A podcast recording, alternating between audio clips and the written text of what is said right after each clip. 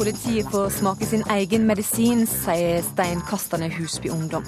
Ukeslutt møtte opprørerne på nært hold. Ingen flaum skal stoppe oss fra å bli mann og kone, sier par som måtte flytte hele bryllupet pga. vassmassene. Men ble de gift til slutt? Og veiving med armene og skriking under kamp funker ikke, mener Drillo. Ikke alle kan sitte helt rolig med teppet over seg og bare se på, svarer Tom Nordli. Bråket utenfor Stockholm, det holder fram, det òg. I natt patruljerte høyreekstremistiske grupper flere av forstadene, samtidig som opptøyene spredde seg til Ørebro og Linkjøping. Reporter Halvard Sandberg, du er en av forstadene utenfor Stockholm. Over 200 høyreekstreme danner altså et slags borgervern. I natt og 18 av dem ble pågrepet av politiet. Hva, hva var målet med dette borgervernet? Dette er folk som, som du sa, riktig, høyreekstreme, som har da sett på meldingene som kommer om at det er eh, fra områder hvor det er mange innvandrere, hvor det har vært uh, uro i de siste dagene, hele siste uken. Og de har da sagt at de skal prøve å ta gatene tilbake.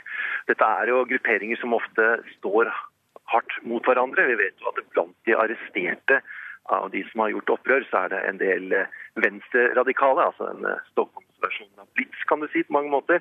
Og de er ofte i toppene på de som da er høyre ekstreme. Slik at det er de to uh, voldsgrupperingene i Stockholm som da har vært uh, ute, og det er også andre steder i landet.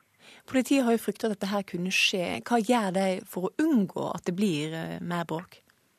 De forsøker jo å skille disse gruppene fra hverandre. Det er jo, også, det er jo første prioritet når ting oppstår. Det skjer jo også i Norge, at man prøver å skille grupperingene fra hverandre. Og Det er altså det politiet har gjort nå. De aksjonerte jo fort og arresterte da 18 midten av dem og eh, holdt de andre vekk, slik at det ikke kom til konfrontasjoner mellom disse grupperingene. Du var i Husby eh, for en ukes tid siden og bråket starta. Du var ute i gatene igjen i natt. Hvordan er stemninga der nå? I Husby så er det rolig. Det er kanskje et av de roligste stedene i uh, Stockholm. Der uh, var det en grillfest i går kveld. Du kan uh, si at alle de gode kreftene i det svenske samfunnet har samlet seg i Husby for å unngå at det skal bli mer bråk der. Men så da blir det jo da bråk andre steder, som eh, da eh, et sted jeg har vært i dag, som absolutt ikke ligner på Husby i det hele tatt. Et rolig eh, villastrøk hvor det også brenner biler. Så noe rart er i ferd med å skje her i Sverige. Takk til deg, reporter Halvard Sandberg. Steinkasting og bilbranner har altså gjort at forstaden Husby utenfor Stockholm nærest har sett ut som en krigssone denne siste veka. Og opprøret det kommer til å holde fram, det sier en av ungdommene som reporter Ida Tune Øretsland møtte da hun var i Husby.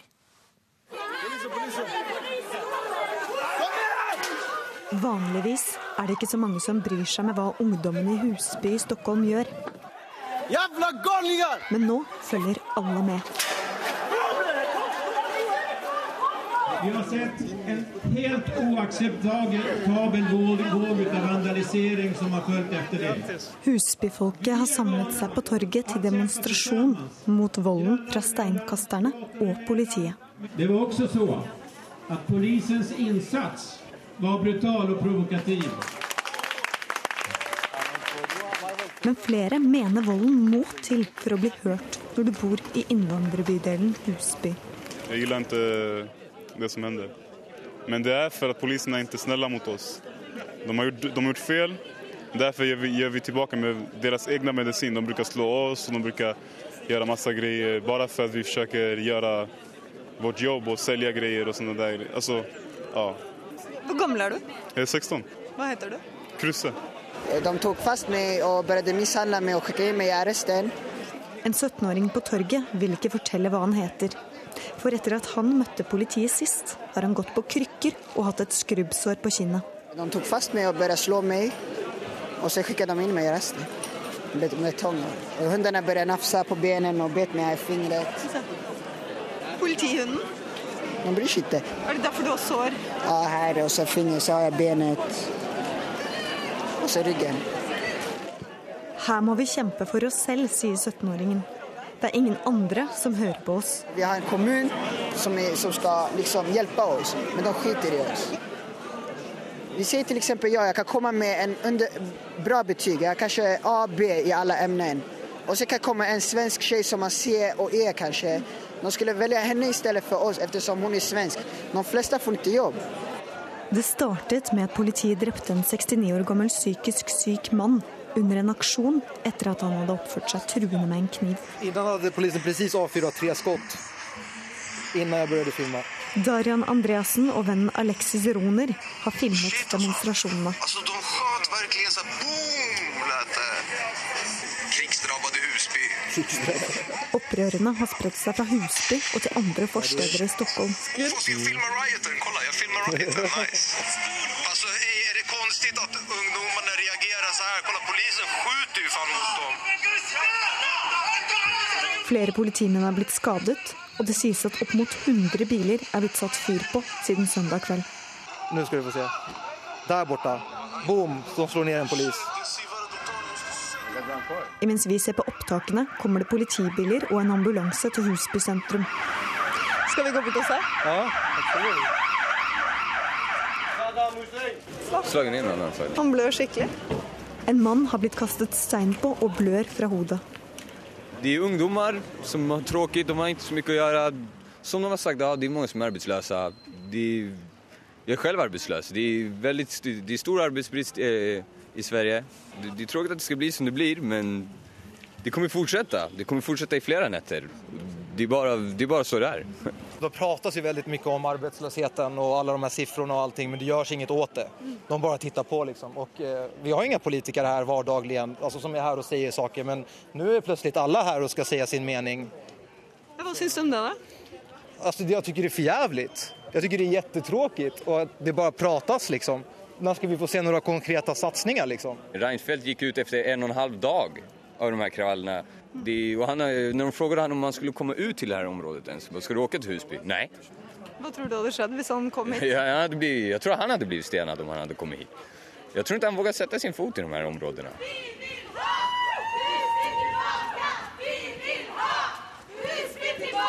Torget er fullt av folk som ikke vil ha kamp mellom steinkasterne og politiet. Hun som har tatt initiativet til demonstrasjonene, er 21 år gamle Solaya Goleb. Altså, jeg er trøtt på å ikke kunne være trygg i mitt eget hjem, så det var derfor vi startet her. Og nå velger vi å tilbake, ta tilbake vårt husby. Det går ikke å legge seg når ditt hus brenner, eller hur? Det er ingen som liksom engasjerer dem i å kanskje gjøre noe kulturelt eller noe mer enn å bare henge. Hva tenker du om de som kaster stein og brenner biler, da? Jeg syns at de er dumme i hodet. De er, et, de er et symptom på at noe er feil, men de er dumme i hodet.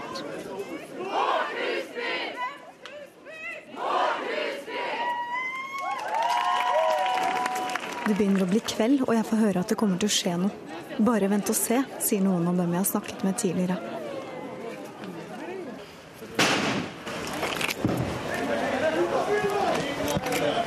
En gjeng gutter kommer rundt hjørnet. De har svarte hettegensere og svarte tørklær som dekker nesten hele fjeset, bortsett fra øynene. Jeg får hoppe inn i bilen til Baris Kayan fra Sveriges Radio. De knuser rutene på flere biler, også der foran oss. Baris klarer å avverge at det samme skjer med hans bil. Hvor mange?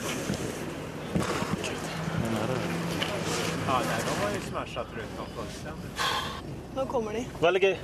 Nå kommer de, kjører. Vi kjører bilen til et trygt sted før vi går tilbake.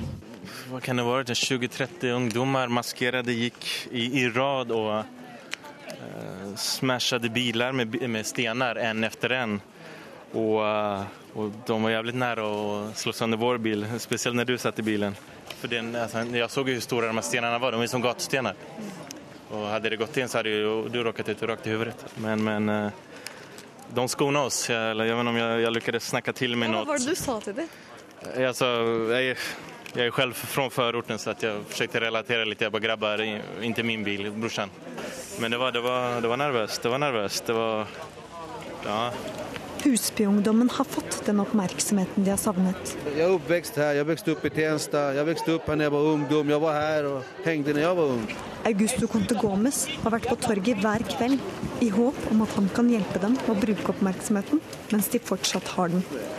Der orden ikke rekker til, tar man nevene vid på noe sett. Jeg tror at de ungdommene har en potensial, men de blir ikke sett og hørt. For at jeg tror at politikere og mennesker som er ett, ja, på en viss nivå krever iblant et visst språk for at man skal bli lyssnad til. Men jeg tror ikke at det er det man måste, som man må tenke. Man må lyssna og, och finne mennesker der de er. Spørsmålet er om det som skjer i Sverige er noe vi kan eh, oppleve her hjemme også. Kristian Tybring-Gjedde, du er stortingsrepresentant og leder Oslo Frp. Hva tror du? Ja, jeg tror vi kan oppleve også det i eh, Oslo og andre større byer i Norge etter hvert. Eh, vi har vært forskånet fra det, ikke fordi at vi driver en klok politikk, men fordi at vi har hatt så mye penger at vi har klart å kjøpe oss til, til fred og ro. Og Det er ikke fordi jeg tror visse mennesker er verre enn andre mennesker, men det er rett og slett det blir for mange som kommer for fort. Og da får vi en stor andel mennesker som ikke har noen tilhørighet til den nasjonalstaten som de er borgere av. Eh, og, og, da får man uh, utfordringer. Og Samtidig så er det altså viktig å legge merke til hvor disse menneskene kommer fra. Altså Det er jo ikke slik at det er, det er ikke kinesere og indere og amerikanere og spanjoler osv. som gjør dette her. Alle som driver opptøyer, så vidt jeg har hørt, nå skal jeg sikkert unntak på det også, men de tilhører altså en, eh, en islam, altså den muslimske kulturen. Uh, og, og det ligger i det. Istedenfor at man prøver å skjule det, så bør man være ærlig på dette. Og da har man eh, del verdier som en del ikke passer hjemme i, eh, i Norden. Og det gjelder eh, likeverd mellom mennesker, det gjelder likestilling mellom mennesker. Og det gjelder en respekt for andre mennesker som, som, ikke ligger der. Og det er vi nødt til å ta på alvor. Dette har altså Fremskrittspartiet sagt i, nå, i, på inn- og utpust i 25 år. Allikevel så fortsetter dette. Dette er veldig, veldig trist. Men er det typisk islam å drive med steinkasting? Nei, ikke, jeg, tror vi skal ta dette her såpass alvorlig at vi ikke skal prøve å, å karikere noen. Eh, vi, må, vi, må, analysere problemene eh, slik det er. og Når, kommer, eh, når de føler seg marginaliserte, så, så er det et problem. Det er, for det er for mange for fort. og Da får man ikke den integreringsprosessen som er naturlig. Hvis vi skal få til en integreringsprosess, bare for å ta det et tiltak som er mulig å få til, og tenke litt langt på sikt, det er å avslutte denne med hentingen av ektefeller. Dvs. Si at de aldri kommer seg inn til å bli en integrert del av det norske samfunnet, eller det svenske samfunnet for den den saks skyld. Eh, og at eh, deres såkalt andel av befolkningen eh, øker så raskt at de ikke blir, blir, integrert. Det er ikke sånn at noen kan gi folk en jobb. Disse, dette er mennesker som faller ut av skole, de føler seg utilpass i, i idrettslagene, i, i, ulike kulturtilstelninger som, som, er i lokallaget. De føler seg utilpass der i utgangspunktet. Men, det, det, er ikke slik at det er noen forståelse for at du kan drive den type aktiviteter. Jeg bruker gjerne eksempler fra mine, mine svigerforeldre som vokste opp eh, og som bodde, har bodd på eh, Oslo øst i hele sitt liv. Og hadde ikke spesielt god råd. Men det var aldri snakk om at det var noen andres ansvar for deres situasjon. Og det var alltid å passe på sine lille områder de hadde. Det lille de hadde, det hadde de, og det skulle de passe på. Det skulle være ryddig og ordentlig. Det er en kultur som ligger i en Kall det gjerne pietistisk, eller kall det noe annet, men det er noe som, som, som mangler, dessverre. Flesteparten av ungdommene i Forstanden i Oslo de har jobb, eller de går på skole, i, motsetning til f.eks. Husby, som vi hørte her i reportasjen, der 38% av ungdommene verken har jobb eller går på skole. Tror ikke du at det er noe som vil være positivt, med tanke på at uh, situasjonen vil roe seg, eller holde seg rolig i Norge? Jo, men eh, jeg tror ikke det er sånn at, eh, at, de aller fleste har jobb. Eh, det er slik at det er veldig mange som går på ulike former for, for trygd. Ulike former for såkalt arbeidsledighetstrygd eller uføretrygd eller ulike trygdeordninger. Og så lenge vi har råd til det, så kan man selvfølgelig kjøpe seg ut av en del utfordringer. Men det er ikke noe langsiktig løsning. Den langsiktige løsningen er å få disse ungdommene inn i samfunnet. Og da må de faktisk ta tak selv. Eh, det er bare sånn det vårt samfunn er. så Man kan mislike det eller, eller, ikke. Og det er noen som klarer det, og noen er kjempeflinke. Men uh, veldig mange blir påvirket av dette. Og et annet aspekt som, som, som, er negativt, det er at uh, det er, de er opplært til at det er uh, mangel på likestilling. Dvs. Si at kvinnen og moren har liten innflytelse i familien, eh, som gjør at respekten Altså det å lytte til sin mor eller lære av sin mor er, er ikke til stede. Det er faren som bestemmer. Vi skal, slippe til, at, vi skal slippe til ordføreren okay. i Oslo her, Fabian Stang fra Høyre. Du er på Hval skole i Oslo nå, en skole der 92% av elevene har et annet morsmål enn norsk, og der sjuendeklassingene i dag arrangerer en festival. Hva er målet med den festivalen?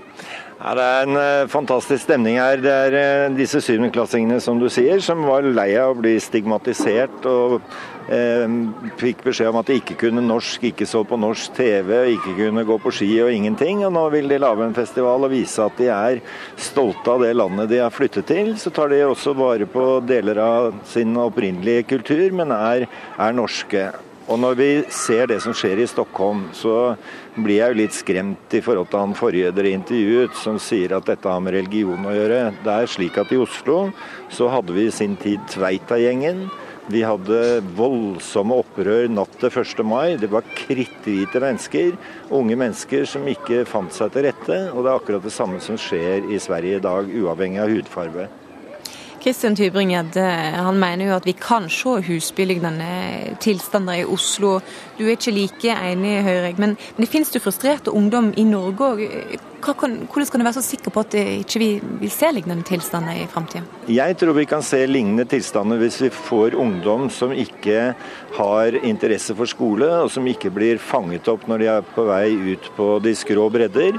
Men der har vi i Oslo et Salto-samarbeid, samarbeid mellom kommunen og politiet som fungerer veldig bra, hvor vi tar tak med en gang. Her på Val skole nå så er politiet til stede, ikke fordi at det er nødvendig, men for å synliggjøre at eh, politiet er en medspiller eh, til støtte for alle i befolkningen. Så du er ikke uroa for eh, situasjonen blant unge i, i Oslo?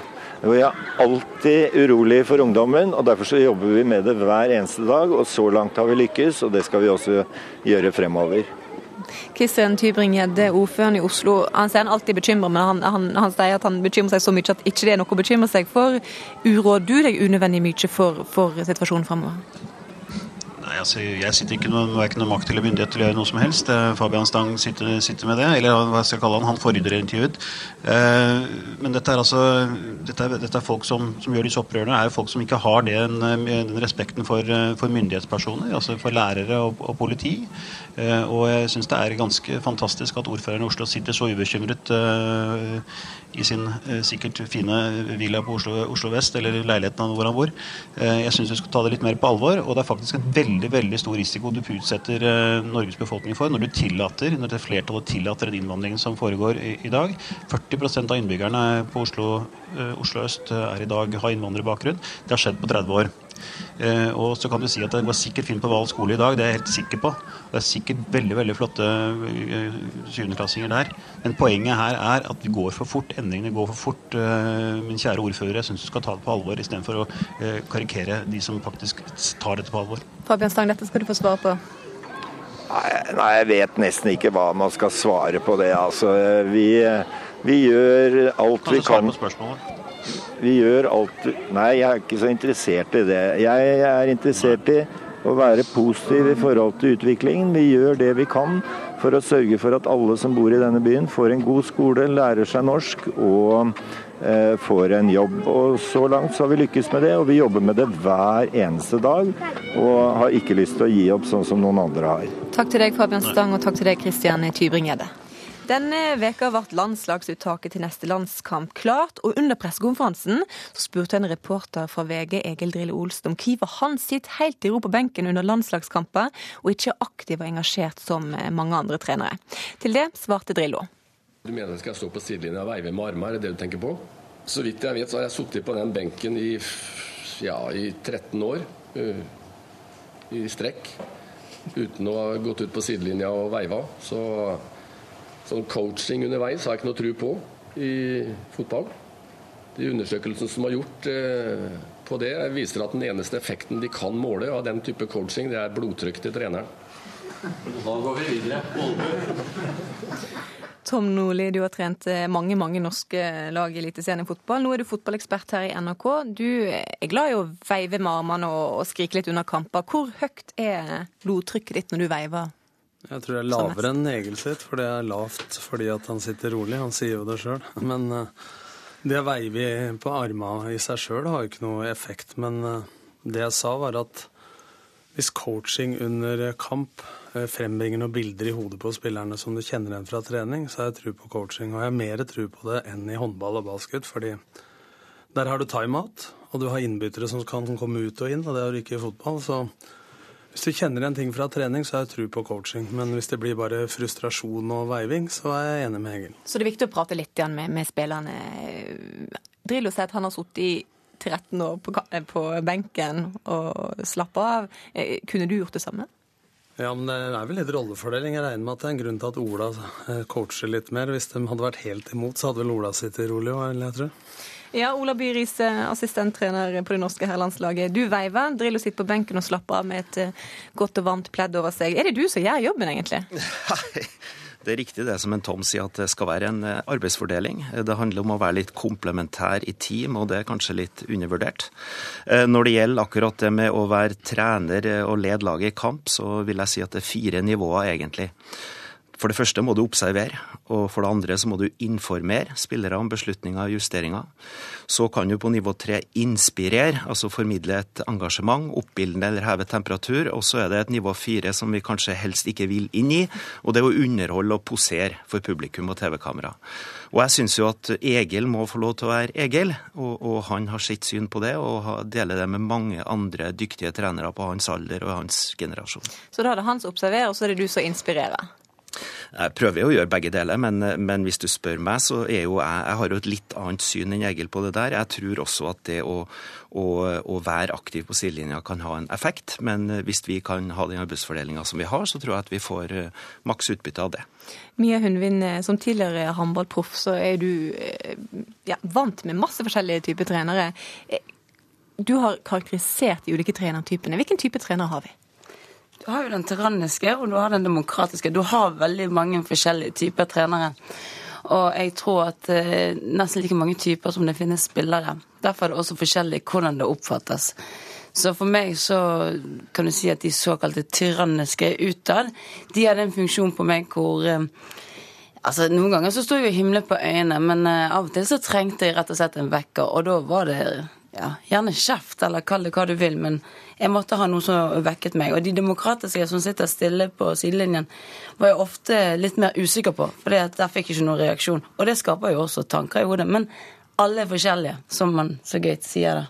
Det viktigste er vel det Ola sier her. for at Hvis Egil plutselig skulle hoppe opp og ned på sida, så ville det bli helt unaturlig. Altså Jeg tror vi må beholde vår egen personlighet, og jeg tror at det kjenner spillerne igjen også fra både utafor banen og på trening og på kamp. at uh, om du er ekte eller om du, du, spiller en rolle. Hvis du bare spiller en rolle, da, så tror jeg det faller gjennom uansett. Ja, den vil jo bli brukt opp. altså Hvis du kjefter hele tiden også, så vil ikke det ha noen effekt. Så du må jo hele tiden balansere det. og Nei, jeg tror ikke Drillo hadde fått noe ut av å stå og veive plutselig. Så håper jeg ikke coaching ligger under kjefting heller. Altså, hvis det blir Det hender jo at vi går over streken og bare blir frustrasjon, og da går det vel over i underholdning for publikum, som Ola sier. Altså, det er viktig for meg, den ene delen som Ola sier, at det er informativt, og at det skaper noen bilder og noen reaksjoner i hodet på spillerne, så du kan forandre noe. Det er det som er meninga med det det er jo litt eh, diverse, som du sier, underholdning fra, fra trenere. Så vi kan jo høre et lite klipp eh, der vi hører noen ganske underholdende trenere. Jeg tror faktisk du, Tom Nordli, er representert, så du får høre godt etter. Jeg sier det. Er ikke det hensikt å møte deg? Ja, der sa de den! Hvorfor stopper du opp der, Georgie? Hva? Hadde dobbeltblås! Kom an! Jeg vil ha trua! Jeg er klart til semifinalen, og jeg er avhengig av dere! Dere faen meg brette opp armene! Du må da skjerpe deg litt! Nå er det nok, altså! Jeg vil ikke at den skal få en ryggvendt, nei! OK, thank you! Det var ikke alt en fikk med seg hva de ropte og skrek her, men det er jo moro. Det er jo, det er jo engasjement, og det er moro. Det er kanskje litt artigere enn stillhet fra Drillo. Ja, men jeg tror ikke det var meninga det å være artig. Altså, jeg var med på to klipp, og det var Eggen og det var Solbakken. Det var mange gode trenere der, og alt til sin tid. Og hvis du tar det ut av sammenhengen, så kan det virke teit uansett. Men uh, selvsagt blir det sånn at hvis du er oppe og hopper og spretter litt, så er det større sjanse for at du går over streken og gjør noe feil, enn om du sitter rolig hele tida. Men det må være sånn du egentlig er. Ja, men, men altså, når, når, Unnskyld, Ola, Ole. Men når uh, Nils Arne Eggen truer mine med å kappe av beina din dverg, så kan du si at det er jo veldig humoristisk for oss å høre det. Kan ikke ha det funksjon. Men uh, å bli truet med å løpe fortere, eller så kapper jeg av deg beina, så gjør jo du Du løper fortere, ikke fordi du tror det, men uh, Fordi du er redd? Ja. Nei, ikke fordi du er redd heller, men det har en viss funksjon allikevel. Ole? Men vi, vi roter jo litt med begrepene, for at de klippene her som du hadde, veldig mange av dem var jo fra treningsfeltet. Og på treningsfeltet så opptrer man litt annerledes, gjerne. For da instruerer man, da gir man feedback underveis. Da, da korrigerer man også, man kan stoppe økta. Det kan du ikke gjøre under en kamp. Uh, uh, og jeg tror at det er en litt sånn særprega norsk trend. altså at det er litt fester seg deler av opinionen. Tror at jo mer du roper og dirigerer på sidelinja, jo bedre er du som tenner. Da er du aktiv, tar grep, styrer, du er en slags sånn general i et slag. Men de beste generalene gjør kanskje unna inspirasjonstalene før slaget, og det var kanskje det vi hørte fra Ståle i garderoben til, til HamKam der. Og så er du opptatt, mer opptatt av observasjon og vurdering av strategiske grep under selve slaget. Og så kan du da vurdere sjøl, ut fra din personlighet, om du vil være veldig aktiv eller litt mindre aktiv. Jeg mener at i utlandet er det en litt annen kultur, og vi får en, en, en mesterligafinale i kveld med Jopp Henkes hos Bayern München. Han er rolig, stort sett, mens Jørgen Klopp for Dortmund er mye mer aktiv. Og så er det mange, mange andre internasjonale trenere som er roligere kanskje enn det idealbildet som vi har laga i Norge. Men Ola Drillo sitter der helt eh, avslappa under, under, kampen. Hvordan har han det egentlig inni seg?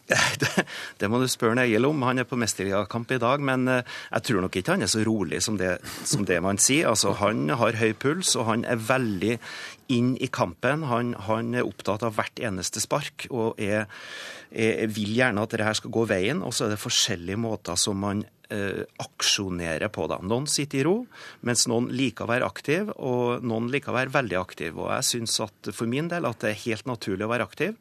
Eh, tror at det kan ha en viss effekt, men til et visst nivå. Jeg har vært spiller i 20 år sjøl og opplevd kanskje at engasjement også kan gå for langt, sånn at du nesten oppfatter det som spiller som litt støy. Så det må være tydelige beskjeder primært.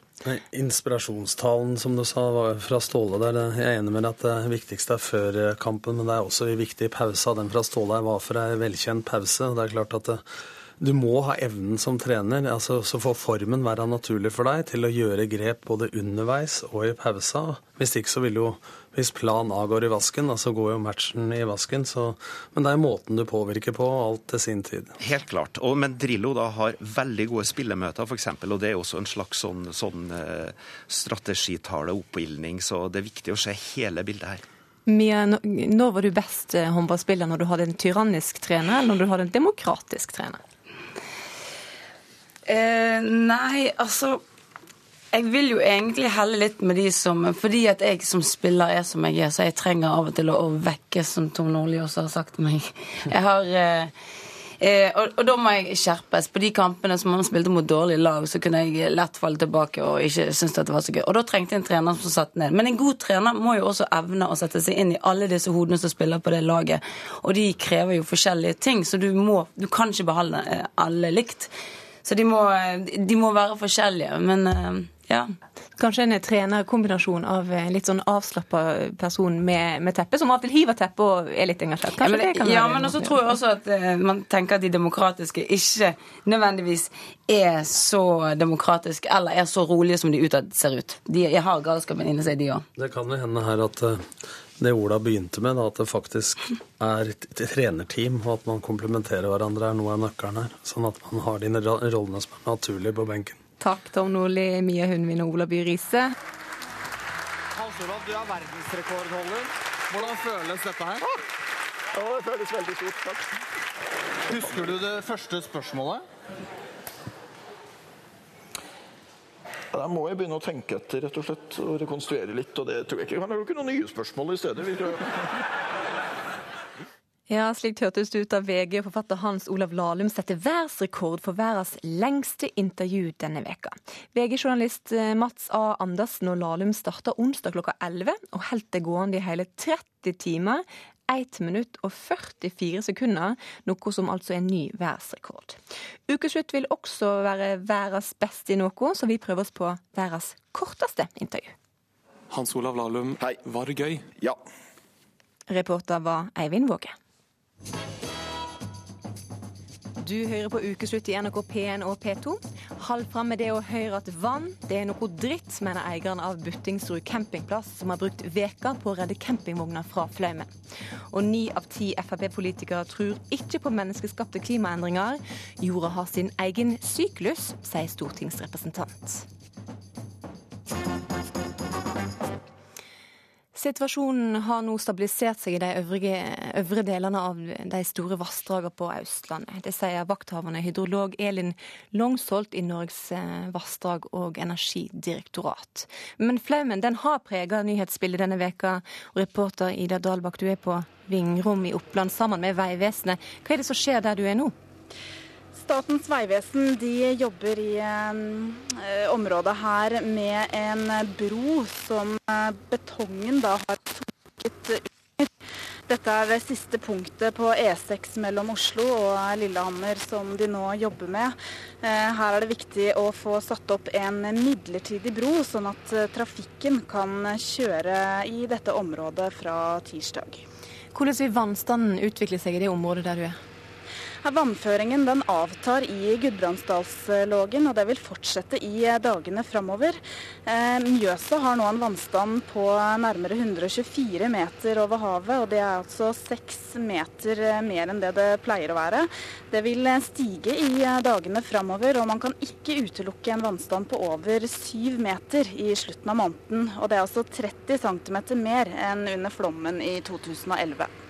Vi skal videre til plassen som har blitt hardest råka av flaumen denne veka, nemlig Kvam i Nord-Fron i Oppland. Reporter Fredrik Solbu Julumstrø. 260 mennesker ble evakuert fra heimene sine denne veka. Hvordan går det med deg nå? Ja, 260 ble evakuert i uka her, men nå er det kun 113 som er igjen på de campingplassene som har tatt imot de evakuerte. Eh, klokka 14 i dag så vil de resterende som er igjen få beskjed om de vil kunne flytte hjem i dag, eller om de må bli værende lenger. Jeg prata med en gutt som kom bort til meg, og han sa at han var veldig spent på det møtet, for han hadde så veldig lyst til å komme seg hjem i dag. Flere av de evakuerte sier at de er slitne og lei, og de håper selvfølgelig å komme hjem så snart som mulig. De som har fått reise hjem igjen, hva syn har møtt deg? Eh, de har jo selvfølgelig et hus å komme til, da, i og med at de får reise hjem. Men akkurat her jeg står nå, midt i boligfeltet som ble veldig hardt ramma. Jeg står i veien her det gikk ei stor elv, og her ligger det altså svære steiner overalt. Det ligger en brekt eh, lyktestolpe her, og alle hagene her de er rett og slett brun av gjørme og sand. Bjørn Berge, du er en av de som ble hardt råka av flaumen i Kvam. Det er tredje gangen på tre år at huset ditt blir eh, ødelagt av flaum. Hvordan har dere det nå? Nei, Jeg har det vel ganske eh, helt jævlig, for å si det slik. Ikke noe koselig i hele tatt. Men Vi hører at folk eh, har mista alt de eier. Du har mista alt tre år på rad. Hva, hva savner du mest? Altså, mista alt. Jeg har ikke mista første gangen. I 2011 så mista jeg nesten alt. Og uh, i 2012 så kom det kun vann inn i, i, kjelleren. Men nå, nå så, i 2013 så mista jeg at nokså mye, da. Hva, hva er det du savner mest av det du har, eh, har mista? Det er nok personlige eiendeler, selvsagt. Det er det. Det er altså ting som en har samla opp gjennom mange år. Som er uerstattelige. Som ikke går an å få tak i mer. Du hadde en flott samling av bokseblader som du har mista nå. Hvordan, hvordan, er det? Nei, det er, det er jævlig når jeg har brukt så mange år på å samle på det jeg har. Så er det Nei, det er uvirkelig å tenke på, egentlig. Men det er altså tredje året på rad at flaumen eh, råker deg. Hva er det som gjør at du fremdeles bor der du bor? Nei, altså, Det stedet der betyr såpass mye for meg. Det har så mye historie.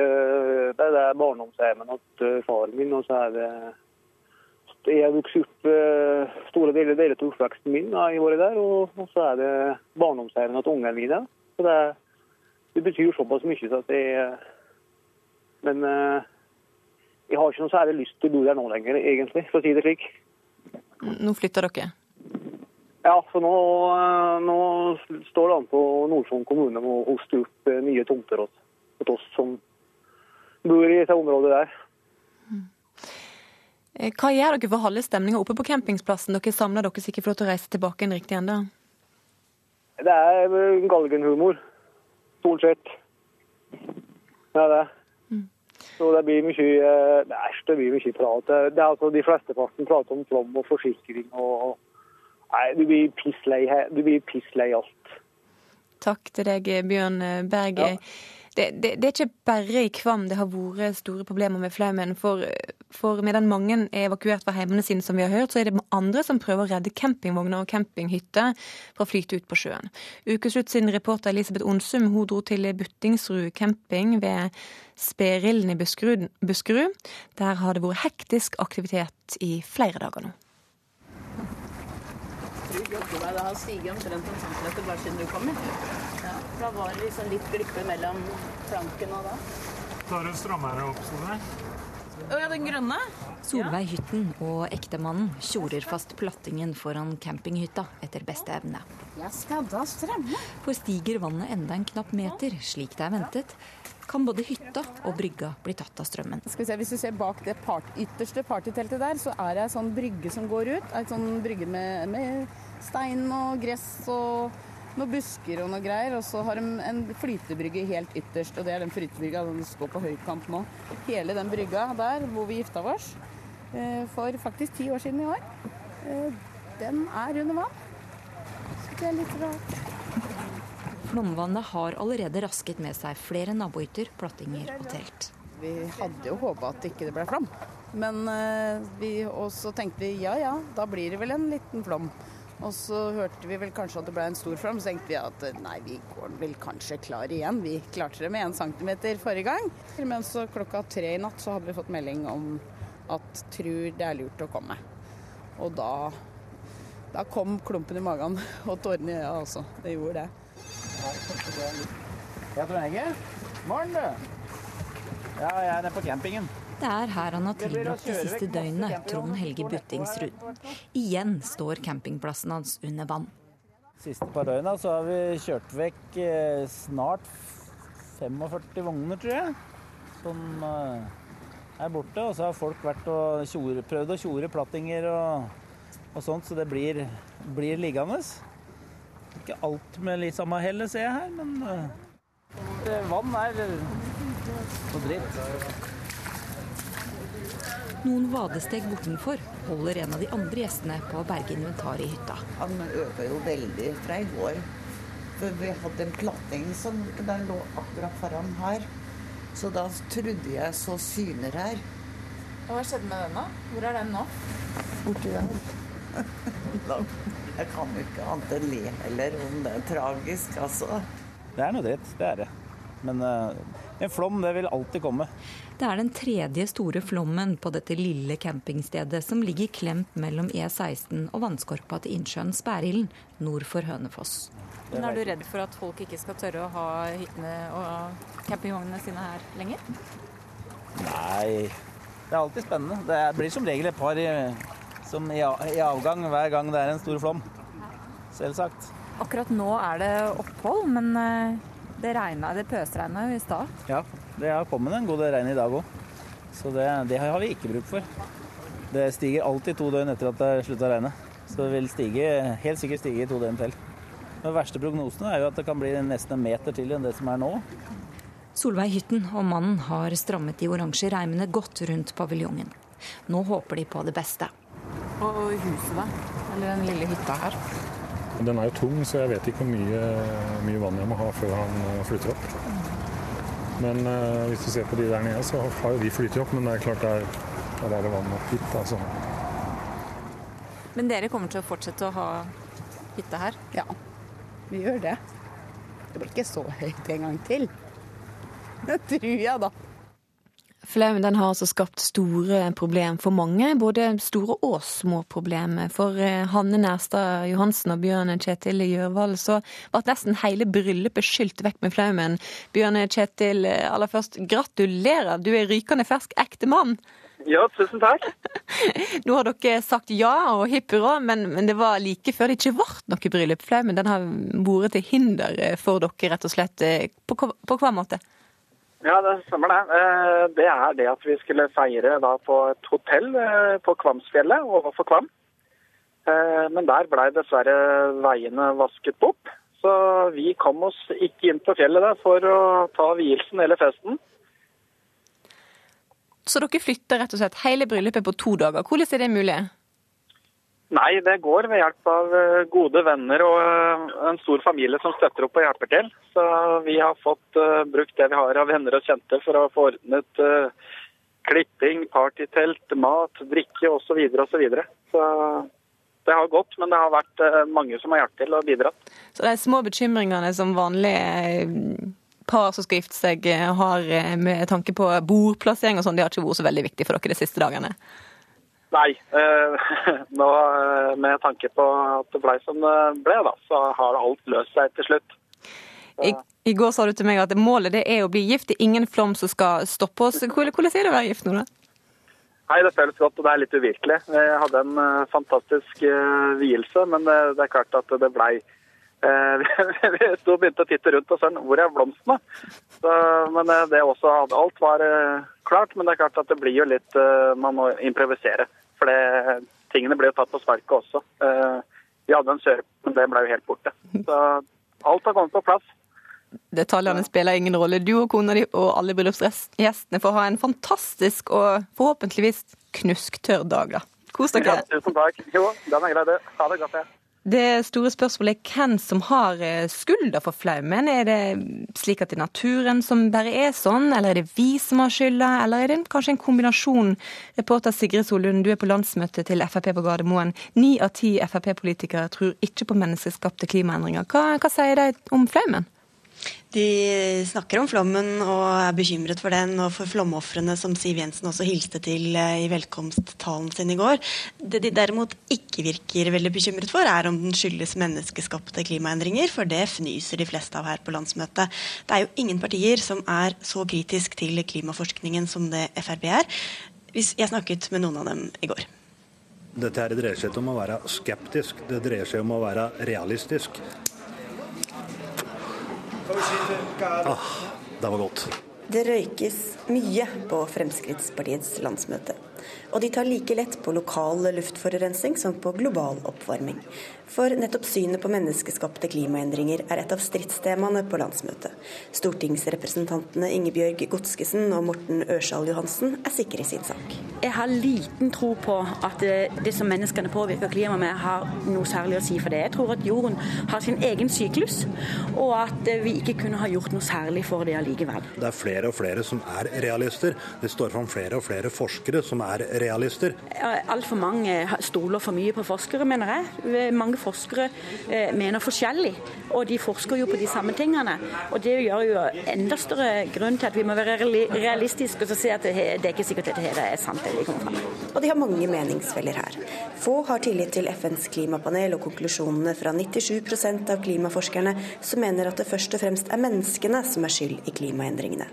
Skepsisen er ikke så fremtredende hos den snarlig påtroppende nestlederen Ketil Solvik-Olsen. Men også han må finne formuleringer som balanserer mange hensyn.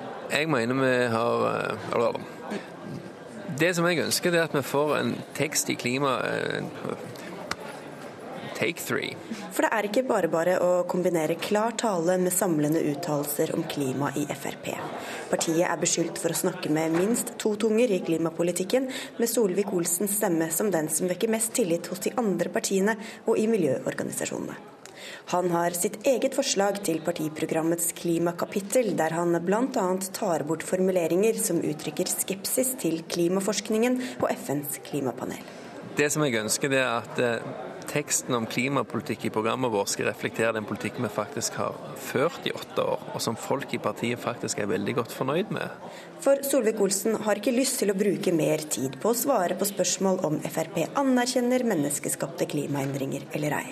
Det begynner jeg å bli ganske lei av. Det å begynne å diskutere ting der folk hevder jeg mener noe jeg ikke mener, og så skal jeg sitte og forsvare eller forklare det. Det er ikke derfor du blir med i politikken.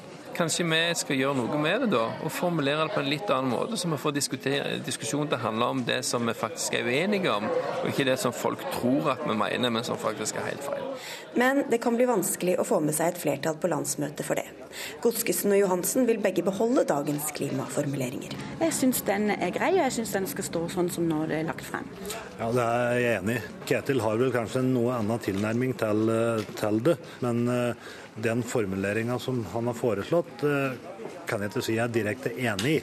Og klarer ikke sjokoholikeren og tobarnsfaren Solvik-Olsen å nå fram med argumenter, har han med seg andre triks hjemmefra for å overbevise meddelegatene sine. Da kommer jeg til å true med at hvis de ikke stemmer i tråd med mitt ønske, så får de ikke dessert på landsmøtemiddagen. Det bør ordne seg. Da kan vi bare ta tilbake det at han får ikke noe sjokolademelk den siste året eller de siste månedene som er på Stortinget, hvis det, han fortsetter å fremme dette her. Der jeg får nok mat, jeg, så er jeg fornøyd. Da kan det sånn være. Men før middagen er det frokost lørdag morgen. Siste rest av tomatbønner skrapes bort. Den økologiske gulosten får ligge ganske i fred. Landsmøtet betyr sene kvelder og tidlige morgener, ikke minst for partiets redaksjonskomité, som samler innspill og prøver å finne formuleringer flest mulig kan stille seg bak. Og fra talerstolen før dagens debatt kunne Per Sandberg fortelle at de har kommet fram til et eget klimaforlik. Jeg tror det skal tilfredsstille både kritikere og mellomkritikerne og de som kanskje er litt mindre kritiske. Og nå håper Ketil Solvik-Olsen at det blir flertall for kompromisset, etter mye finsliping og forhandlinger om formuleringer. Altså, Vi forholder oss ulikt til begrepene, så vi brukte en litt tid på å sette oss ned. Finne ord som gjør at alle føler seg komfortable med det som står der. Og vi fant da en god løsning som jeg mener ivaretar den politikken som Frp har ført i åtte år. Hva tror du blir det dessert på landsmøtemiddagen i kveld? Nei, Nå blir det en god dessert. Forhåpentligvis sjokoladebasert. Reporter Sigrid Sollund, hva står det i nye kompromisset? Her står det litt av hvert, for å si det sånn. De presiserer at klima alltid, alltid naturlig har vært i endring. Men det som Solvik-Olsen tydeligvis har fått inn, er at de forholder seg til at forskning viser menneskelig påvirkning. Det han derimot ikke har fått med seg inn i kompromisset, er formuleringen om føre-var-prinsippet, noe de skriver at de er skeptisk til en ukritisk bruk av. Og selv om de skriver at forskernes advarsler gir grunnlag for varsomhet, skriver de også at det er populistisk og spekulativt å koble f.eks. denne flommen til påvirkning påstanden som de sier, om menneskeskapte klimaendringer. Så det spørs om Solvik-Olsen får fred fra motstanderne med det forslaget her. Det er ikke bare klima de diskuterer på landsmøtet. Hva andre tema har Siv og co. på agendaen i dag? Det andre som eh, vekker debatt, er eh, tvangssammenslåing av kommunene. Noe som er litt interessant, for det kan jo faktisk bli politikk. Ettersom de andre borgerlige partiene også har åpnet for en eller annen form for sammenslåing eh, som ikke bare er frivillig. Og det er også debatt om vi skal melde oss ut av EØS og Schengen, og om Fremskrittspartiet skal kutte i sykelønna, eller tvert imot skjerpe inn programformuleringen der. Ukeslutt er over for denne gangen. Ansvarlig for sendinga var Aksel Wilhelm Due. Per Ivar Nordahl styrte teknikken, og jeg heter Sara Victoria Rygg.